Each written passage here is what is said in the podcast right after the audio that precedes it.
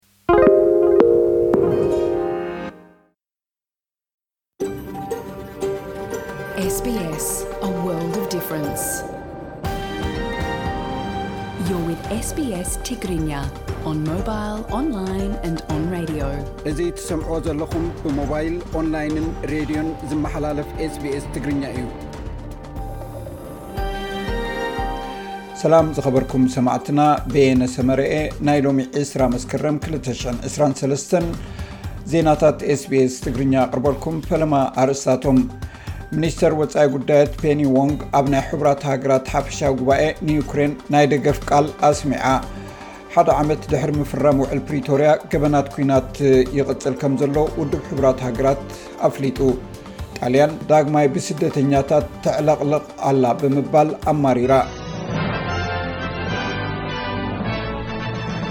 ፕረዚደንት ዩክሬን ቭላድሚር ዞለንስኪ ኣብ ውድብ ሕቡራት ሃገራት ንዝተኣከቡ መራሕቲ ዓለም ኣንፃር ወራር ኣብ ሃገሩ ብሓድነት ደው ክብሉ ምሕፅንታ ኣቕሪቡ ዘለንስኪ ኣብ ክልተ ሽሕን ዕስራን ክልተን ወራር ሩስያ ካብ ዝጅምር ንደሓር ኣብ ዓመታዊ ጉባኤ ውድብ ሕቡራት ሃገራት ንፈለማ ግዜ ብኣካል ኣብ ዝተረኣየሉ እዋን ኣብ ኒውዮርክ ኣብ ዝተጋበዐ ሓፈሻዊ ኣኼባ ውድብ ሕቡራት ሃገራት መደረ ምስ ኣቕረበ ተጋባእቲ ብሓፊስ ጣቕዒት እዮም ኣሰንዮሞ።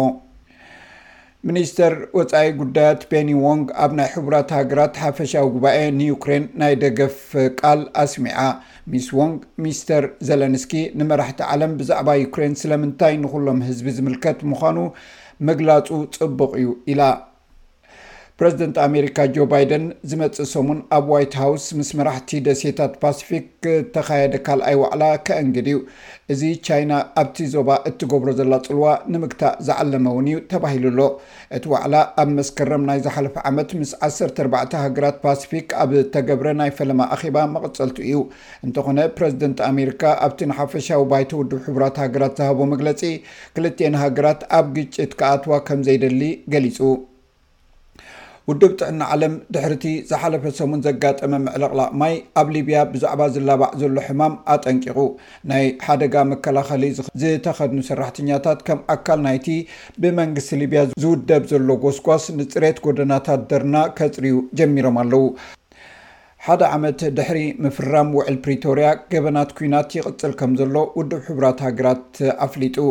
ኣብ መንጎ ፌደራል መንግስቲ ኢትዮጵያን ሓይልታት ትግራይን ዝነበረ ኲናት ደው ንምባል ውዕል ፕሪቶርያ ካብ ዝፍረም ድሕሪ ሓደ ዓመት ኣብታ ሃገር ገና ግፍዕታት፣ ገበናት ኲናትን ገበናት ኣንጻር ሰብኣውነትን ይፍጸም ከምዘሎን ዓለም ለኻዊ ኮሚሽን ክኢላታት ሰብኣዊ መሰላት ኢትዮጵያ ኣብ ዘውጽኦ ሓድሽ ጸብጻብ ኣጠንቂቑ። እቲ ኮሚሽን ኣብቲ ዕስራን ሓደን ገጻት ዝሓዘ ጸብጻቡ ካብ ሰለስተ ሕዳር ክልተ ሽሕን ዕስራን ንደሓር ብኹሎም ተጻባእቲ ወገናት ኲናት ትግራይ ዝተፈጸሙ ዝበሎም ሓያለ ግፍዕታት ሰኒዱ ኣሎ።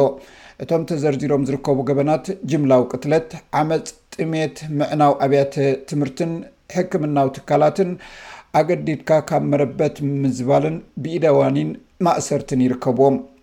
እቲ ስምምዕ ነቲ ተኹሲ ደው እኳ እንተበሎ ነቲ ኣብ ሰሜናዊ ክፋል እታ ሃገር ብፍላይ ኣብ ትግራይ ዝጸንሐ ግጭት ገና ኣይፈትሖን፣ ሙሉእ ሰላም እውን ኣየምጸን ክብል ኣቦ ወንበር እቲ ኮሚሽን መሓመድ ቻንደ ዑስማን ገሊጹ።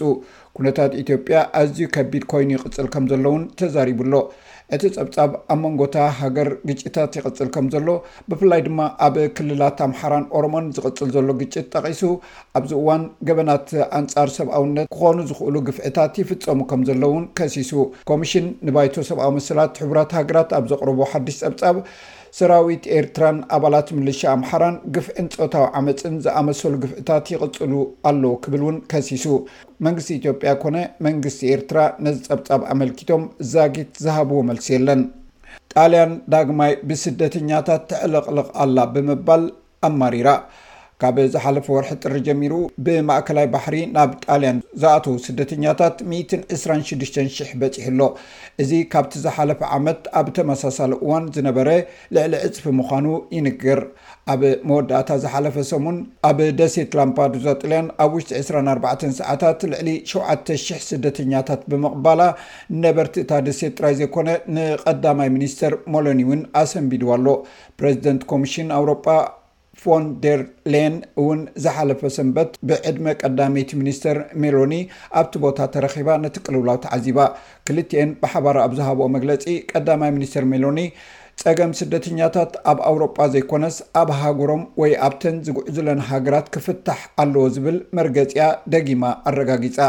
እቲ ጸገም ናይ ጥልያን ጥራሕ ዘይኮነስ ናይ ኣውሮጳ ስለዝኾነ ብህጹጽ ናይ ኣውሮጳ መፍትሒ ክድለ ኣለዎ ውን ኢላ ኣተሓሳሲባ። ሰማዕትና ናይ ሎሚ ዜና ቅድሚ ምዛምና ኣርእስታት ዜና ክደግመልኩም። ሚኒስተር ወፃኢ ጉዳያት ኣውስትራልያ ፔኒ ዎንግ ኣብ ናይ ሕቡራት ሃገራት ሓፈሻዊ ጉባኤ ንዩክሬን ናይ ደገፍ ቃል ኣስሚዓ። ሓደ ዓመት ድሕሪ ምፍራም ውዕል ፕሪቶርያ ገበናት ኩናት ይቕፅል ከም ዘሎ ውድብ ሕብራት ሃገራት ገሊፁ ጣልያን ዳግማይ ብስደተኛታት ተዕለቕልቕ ኣላ ብምባል ኣማሪራ እዚ ሬድዮ ስፔስ ብቋንቋ ትግርኛ ዝፍኖ መደብ እዩ